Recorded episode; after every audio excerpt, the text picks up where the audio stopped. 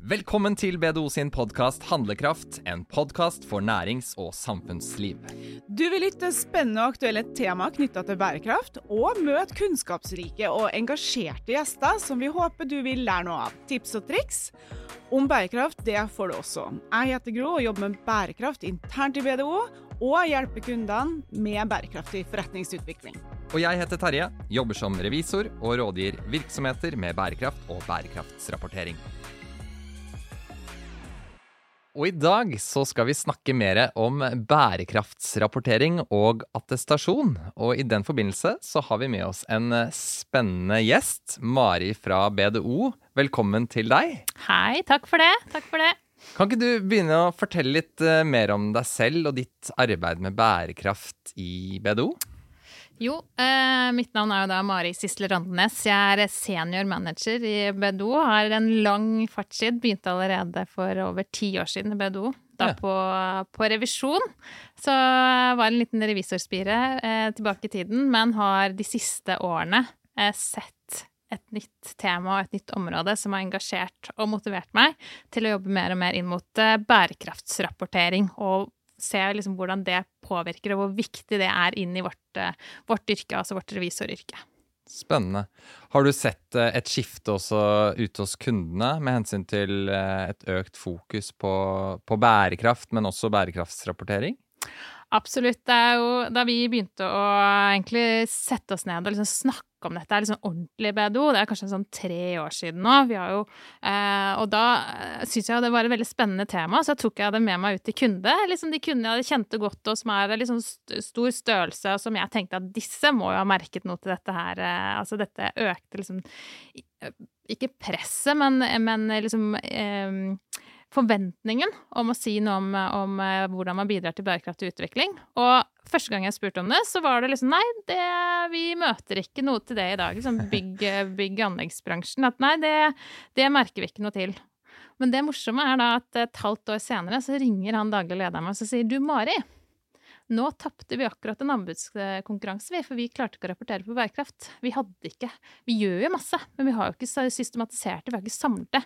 Så nå trenger vi hjelp. Dette må vi snakke mer om. Mm. Du snakket litt om eh, forventninger. Mm. Kan du nevne noen eksempler på eh, hvilke forventninger eh, du ser mer av nå, knyttet til eh, at man skal ha bærekraft på agendaen?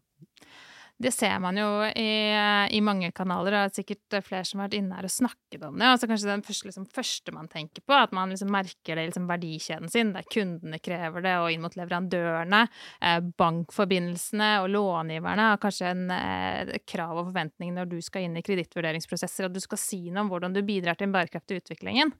Men det jeg på en måte tenker er liksom den interessante dimensjonen også av det, er liksom den interne motivasjonen for å, for å, drive med bærekraftsrapportering. Hvor viktig det er for de ansatte. Mm. Og hvor viktig det er for eierne og styret, og ikke minst de fremtidige ansatte. For de som sitter på skolebenken i dag, mm. de har bærekraft på, på læreplanen. Mm. Og de stiller helt andre krav og en helt annen forventning. Så når de går og leter etter arbeidsgivere, så er de også inne på hjemmesiden og ser etter hvordan er det faktisk denne arbeidsgiveren her eh, jobber med bærekraft. Mm. Og til sikkert mange som sitter og lytter på deg nå, Mari, og som lurer på bærekraftsrapportering. Hva er egentlig det? Ja, det kan egentlig være så mangt. Ja. Eh, for, eh, for, bærekraftsrapportering, det kan egentlig være en, en eh, Også man kanskje har blitt, vært mye tilført tidligere. En litt sånn glossy og fin reportasje eller, eller en rapport eller dokument fra, som egentlig snakker, skryter veldig av hvor mye man gjør innenfor bærekraft, og egentlig liksom havner litt i det vi kaller en grønnvaskingsfelle. Samfunnsansvaret og litt sånn? Ja, og mm. vi er flinke til å sponse fotballag ja. og ja, ikke mm, sant? Mm, mm. Eh, men bærekraftsrapportering i dag, og ikke minst fremover, det har en mye mer tyngde ved seg. Mm. Det stilles mye mer krav til innholdet. Det skal på en måte være, det skal være kvalitativ data, det skal være kvantitativ data. Du skal i mye større grad ha en troverdighet inn i det du skriver i bærekraftsrapporten din. Mm. Og det skal ikke minst være godt forankret inn i strategien din og hvordan du styrer virksomheten din. Mm. Er det noen prinsipper som man legger til grunn. Hvem er, hvem er leseren eller, eh, av rapporten? Den eksterne rapporten som du snakker om nå? Den, eh, hvem som leser rapporten, er jo egentlig litt den, de som på en måte tar eh, Blir påvirket av de beslutningene du tar da, som virksomhet. Eh, så de som på en måte eh, er interessert i å vite hvordan du enten styrker din positive påvirkning, altså hvordan du bidrar positivt, men også hva du gjør med de områdene hvor du i utgangspunktet bidrar negativt, om det er hvordan du på en måte håndterer dette inn i, inn i virksomhetsstyringen din og strategien din. Mm. Um, Så hvis du f.eks. har en vei å gå, da, Mm. så skal du synliggjøre det? Absolutt. Og det handler jo på en måte om at i en bærekraftsrapport så er det veldig veldig viktig at den er balansert. Mm. At det du presenterer, det skal ikke bare være en solskinnshistorie. For det er det færre og færre som tror på i dag. Det skal Mm. også vise egentlig eh, det du skal jobbe med fremover. Mm. Mm. Men hvis du tenker innholdet, Mm. innholdsfortegnelsen, Mm. forteller jo ofte historien på det du skal gjennom. Mm. Hva er det som bestemmer innholdet?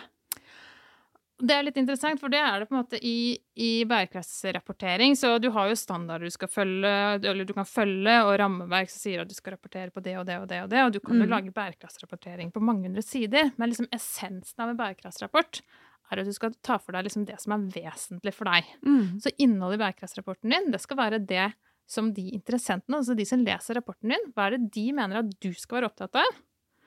Og så tar man den andre dimensjonen med det, og så må du også se på hva er det egentlig, hvor er det vi som virksomhet har muligheten til å påvirke. Mm. Så de områdene som de som leser rapporten din, ønsker å vite mer om, om din virksomhet, og der du ser at der har vi faktisk en faktisk reell mulighet til enten styrke den positive påvirkningen eller Mm. redusere det negative, det er de temaene du skal rapportere på i bærekraftsrapporten din. Mm.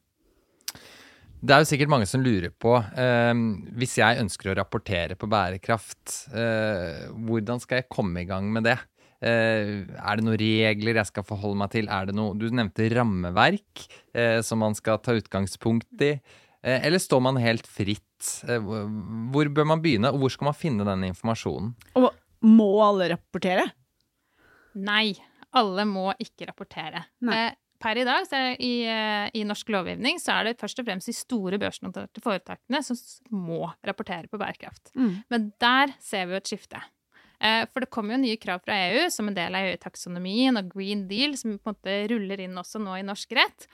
Og vi snakker jo om at nå er det på en måte et, et skifte. At nå kommer bærekraftsrapportering til Norge. Og det handler om at i 2023, eller for 2023, så er det over 1000 norske virksomheter som skal begynne å rapportere på, på bærekraft. Og noen av disse har jo allerede gjort det i mange år, og har store bærekraftsavdelinger som har jobbet med dette her over lang tid, og har gode systemer og rutiner for å gjøre dette her. Mm. Men så har du disse, eh, disse aktørene som kanskje er i litt mindre skala, som ikke har en egen bærekraftsavdeling, og som ikke har denne strategien kanskje, eller virksomhetsstyringen, har satt dette her i system. Mm. De skal også nå begynne å rapportere på bærekraft.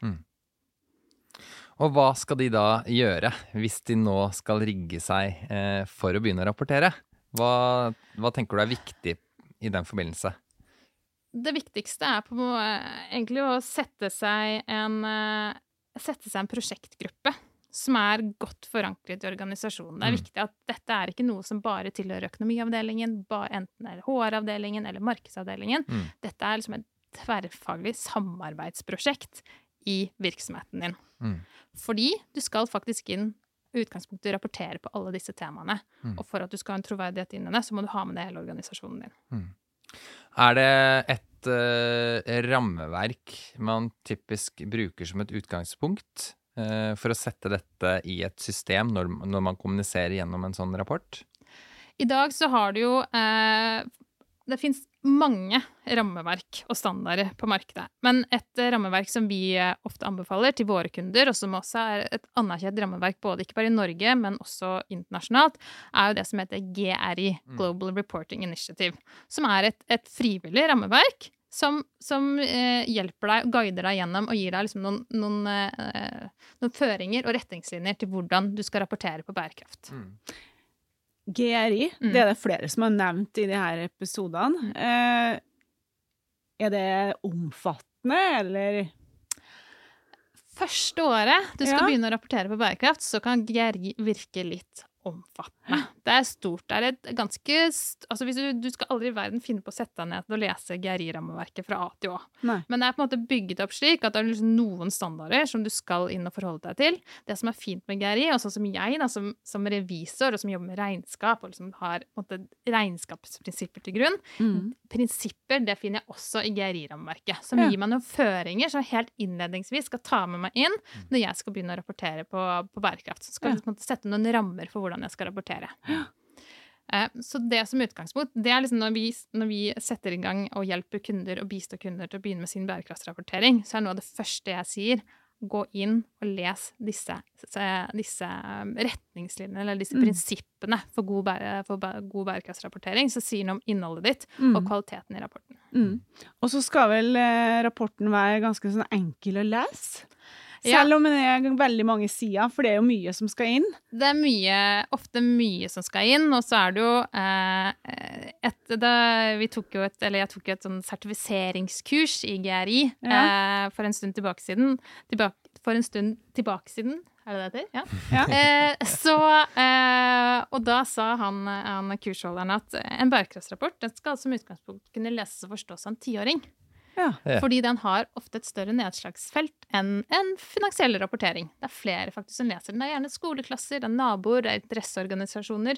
Det er andre som kanskje ikke har like forutsetninger til å på en måte forstå Mm. eh, et liksom veldig avansert og teknisk språk. Altså man Mm. passer på å liksom dra det ned til et Mm. forståelig nivå. Og det er jo ikke bare bare det.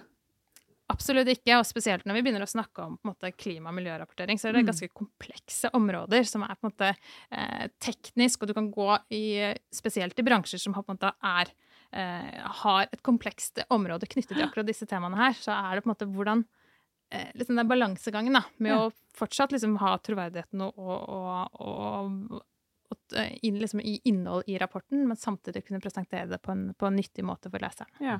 Og så sa du du skal liksom både fortelle det som du eh, har fått til, Mm. men også der hvor du fortsatt eh, har utviklingspotensial. Og så Mm. er det det her med å telle, men også fortelle. Mm. Kan du ikke si litt om det? Du har den, Hvis vi liksom tar det første, da, så handler det om det som er på en måte mitt, mantra. At en bærekraftsrapport den skal være balansert. Den skal si noe om hva du, måte, hva du gjør bra, men også hva du jobber med fremover for at den i i det hele tatt skal være troverdig. Mm. At leseren på en måte tenker at her er det en virksomhet som på en måte virkelig presenterer et, et bilde av hvordan det er i Mm. vår virksomhet. Eh, og så har du den biten med telle, telle og fortelle. og eh, og det å finne frem tall og det å rapportere på tall i bærekraftsrapporten, det er i utgangspunktet Ja, det er mye data som skal inn, det er kanskje ikke så gode systemer og, og internkontroll knyttet Mhm. til akkurat den, den innrapporteringen. Men kanskje den delen som kanskje er mest kompleks, og det man liksom klør seg kanskje mest i hodet rundt når man skal rapportere, er den fortellerbiten. Mm. Hvordan er det faktisk virksomheten jobber med dette? Mm. Hvordan tar ledelsen ansvar for dette? Mm. Hvordan, hvilke aktiviteter er man setter i gang? Hvordan måler man det? Hvordan følger man det opp? Mm. Og hvordan man klarer å liksom kommunisere det på en troverdig og god måte. Så den ledelsens tilnærming til bærekraftsarbeidet, den er superviktig. For Mm. den sier jo faktisk noe om troverdigheten inn i hvordan man, hvordan man jobber med dette her. Mm. Ikke bare at man klarer å vise til noen tall. Mm. Og jeg også tenker jo at uh, personlig så blir jo dette bare mer og mer viktig. Og uh, jeg vil også tro at uh, unge mennesker i dag som skal søke jobber osv., vil jo være også mer og mer opptatt av disse tingene. da. Mm. At det foreligger en, en rapport kanskje som sier noe om hvordan den virksomheten gjør det på, på bærekraft. Så det er vel kanskje viktig å ikke bare tenke at dette er noe jeg må gjøre fordi at det fins en regel eller en lov som er på vei men at man kanskje også gjør det av eh, en annen type motivasjon. Og det er et veldig viktig poeng, og det er også noe eh, jeg tar opp når vi snakker om bærekraftsrapportering med, med våre kunder. Det er egentlig et eksempel fra, fra BDO, og det handler om når jeg sitter i, i intervjuer og skal intervjue nyansatte. Mm. Eh, så for et eh, tre-fire år siden så fikk ikke vi Da var det kanskje noen få ildsjeler som spurte om bærekraft, Mm. og hvordan BDO jobber med bærekraft. I dag så tror jeg for alle intervjuer så får jeg spørsmål Mm. hvordan kan jeg jobbe med bærekraftig BDO, og hvordan bidrar BDO til en bærekraftig utvikling. Mm. Og det betyr at de er interessert i å vise, altså se hvor, hva er det faktisk BDO gjør som virksomhet på dette området her. Og her handler det også om etter hvert De er jo kritiske, kildekritiske, Mm. i mye større grad enn kanskje det vi har vært og det tidligere generasjoner har vært. Så det å kunne liksom presentere dette her på en troverdig måte, det blir bare viktigere og viktigere. Mm. Og så er det jo mange som bruker det her i anbudsprosesser. Eh, jeg har jobba med entreprenører som har sagt det at eh, vi må nødt til å få satt bærekraftsarbeidet vårt i system, og vise hva vi faktisk gjør. fordi at når vi kommer i anbudsprosesser, så er det konkurrenten vår som har bare den rapporten. Mens eh, vi har Vi vet jo hva vi gjør. Men vi har ikke satt det i system. Og da er det jo fint at det både finnes rammeverk, tenker jeg, men det er jo krevende. Det er jo ikke noe du gjør dagen før du skal levere et tilbud. Nei, absolutt ikke. Eh, for å på en måte ha, skape liksom troverdighet rundt bærekraftsrapporten, så mm. bør dette her liksom være forankret i organisasjonen din. For som mm. sagt, skal, på en måte, En ting er å vise tallene her, men så skal du også vise hvordan du faktisk jobber med dette her, og knytte det opp mot strategien og virksomhetsstyringen din. Så eh, det at på en måte um, For noen så går man kanskje inn i bærekraftsarbeid med liksom forskjellig utgangspunkt. Noen har liksom den pisken, det at de liksom møter et krav, krav fra, fra, enten lovgivning eller fra leverandører eller liksom andre fora, liksom eksternt press. Mm. Og så er det liksom de som ser det som et konkurransefortrinn. Mm. Gulrota. Gulroten. som ser at dette er på en måte en mulighet til å vise fram eh, litt og liksom pushe seg selv litt. Mm. Og tørre å liksom være i større grad liksom åpenhet rundt ja. det man faktisk Det samfunnsansvaret man har. Mm. Uh, og samtidig gjøre det som hvis man klarer å liksom være konkret nok og forankre det godt nok i virksomheten din, så er det en kjempefint styrende, eller hjelper deg til styrende dokument til hvordan jobbe med bærekraftsarbeidet mm. fremover. Mm. Og det hørte vi jo når vi hadde besøk av Jan Petter fra Lindbakk, som sa det at det her er et kulturprosjekt, og det er en utviklingsplan, den jobben vi har gjort med bærekraftsarbeid.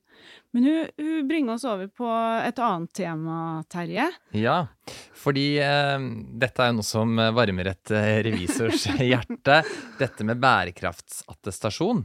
At man kan få også bærekraftsrapporten sin verifisert av en eh, tredjepart. Det er også noe du driver med, Mari?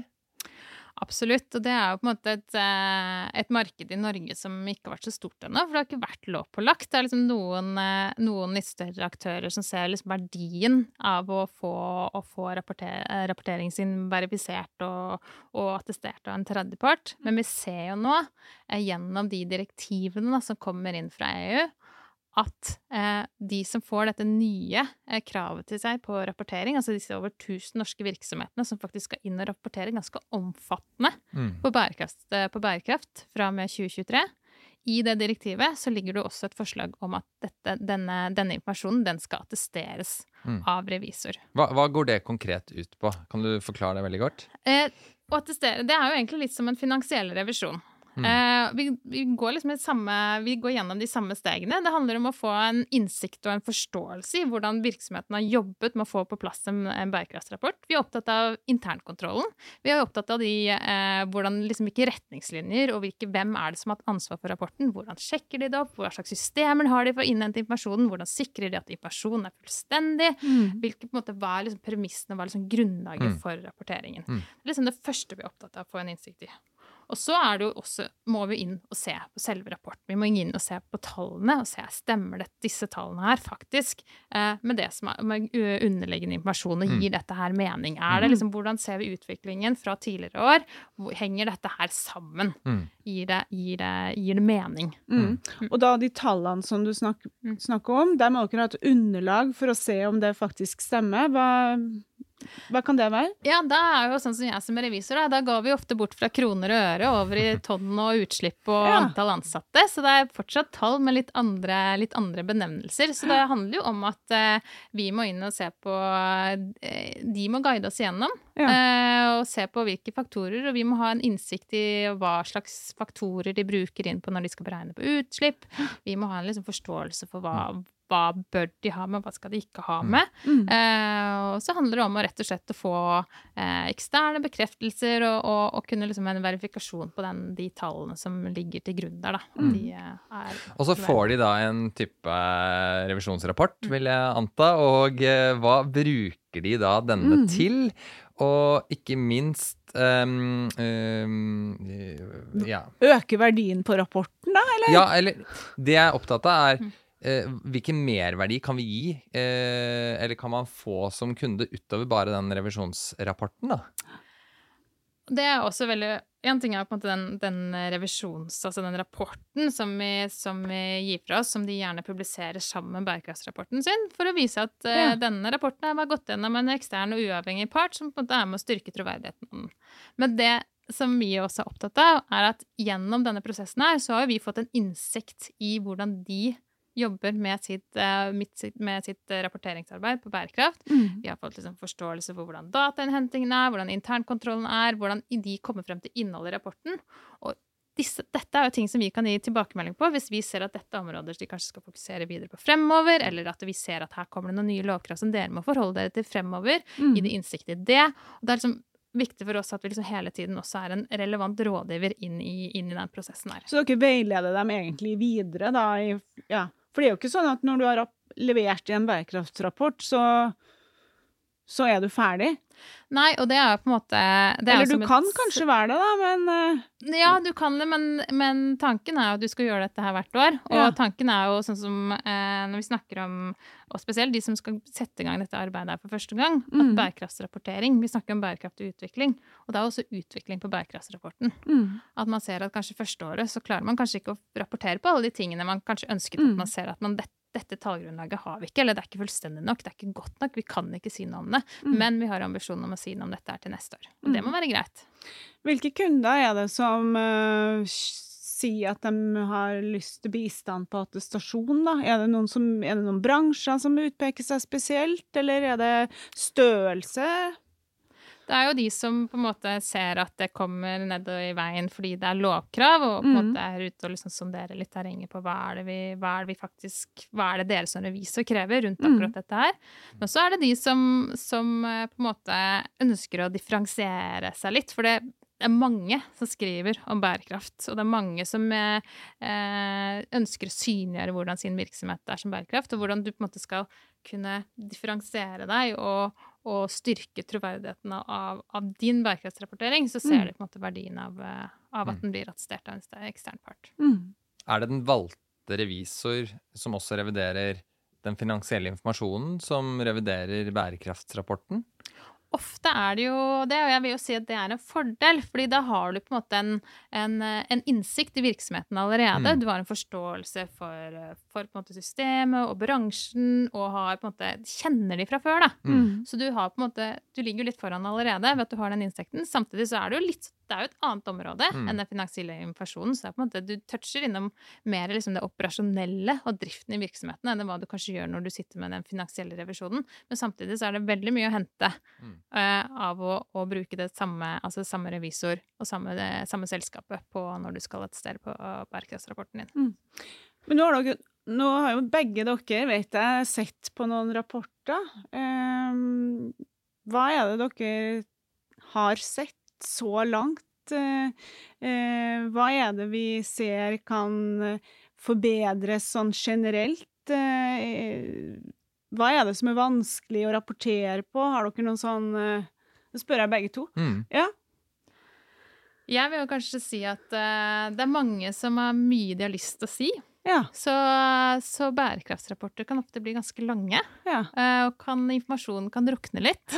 Eh, Så det å på en måte være Klare å liksom skrelle det ned til liksom være liksom mer to the point. Hva er det vi Mm. faktisk, faktisk skal inn og rapportere på? Og liksom Mm. kanskje heller eh, Ja, det er på en måte eh, gjerne en sånn ting som Man blir litt overivrig med å fortelle hva ja, man er god man på. blir, og spesielt når man på en måte er inne i bærekraftsarbeidet og snakker rundt med organisasjoner. Egentlig får, man får jo litt sånn aha-opplevelser, ser jo vi når vi jobber med virksomheter som skal, spesielt de som skal rapportere på bærekraft for første gang. For de får sånn Ja, men vi gjør det, og vi gjør det, og vi må fortelle om det, og vi må fortelle om det. Og det er jo Jeg har full forståelse for det, men det handler på en måte om at her skal vi på en måte eh, passe på at ikke de drukner da, i, eh, i all annen informasjon. Mm. Og så tror jeg en del har litt å gå på når det kommer til eh, dette med å overbevise om at eh, dette er noe som på en måte gjennomsyrer hele organisasjonen. At Mm. det bærekraftsarbeidet, det eh, er også forankret helt opp til eh, toppledelsen, da. Mm. Eh, at det er en del av strategien. Mm. At når vi først jobber med det, og når vi rapporterer på det, så er det noe vi virkelig mener, ikke sant? Mm.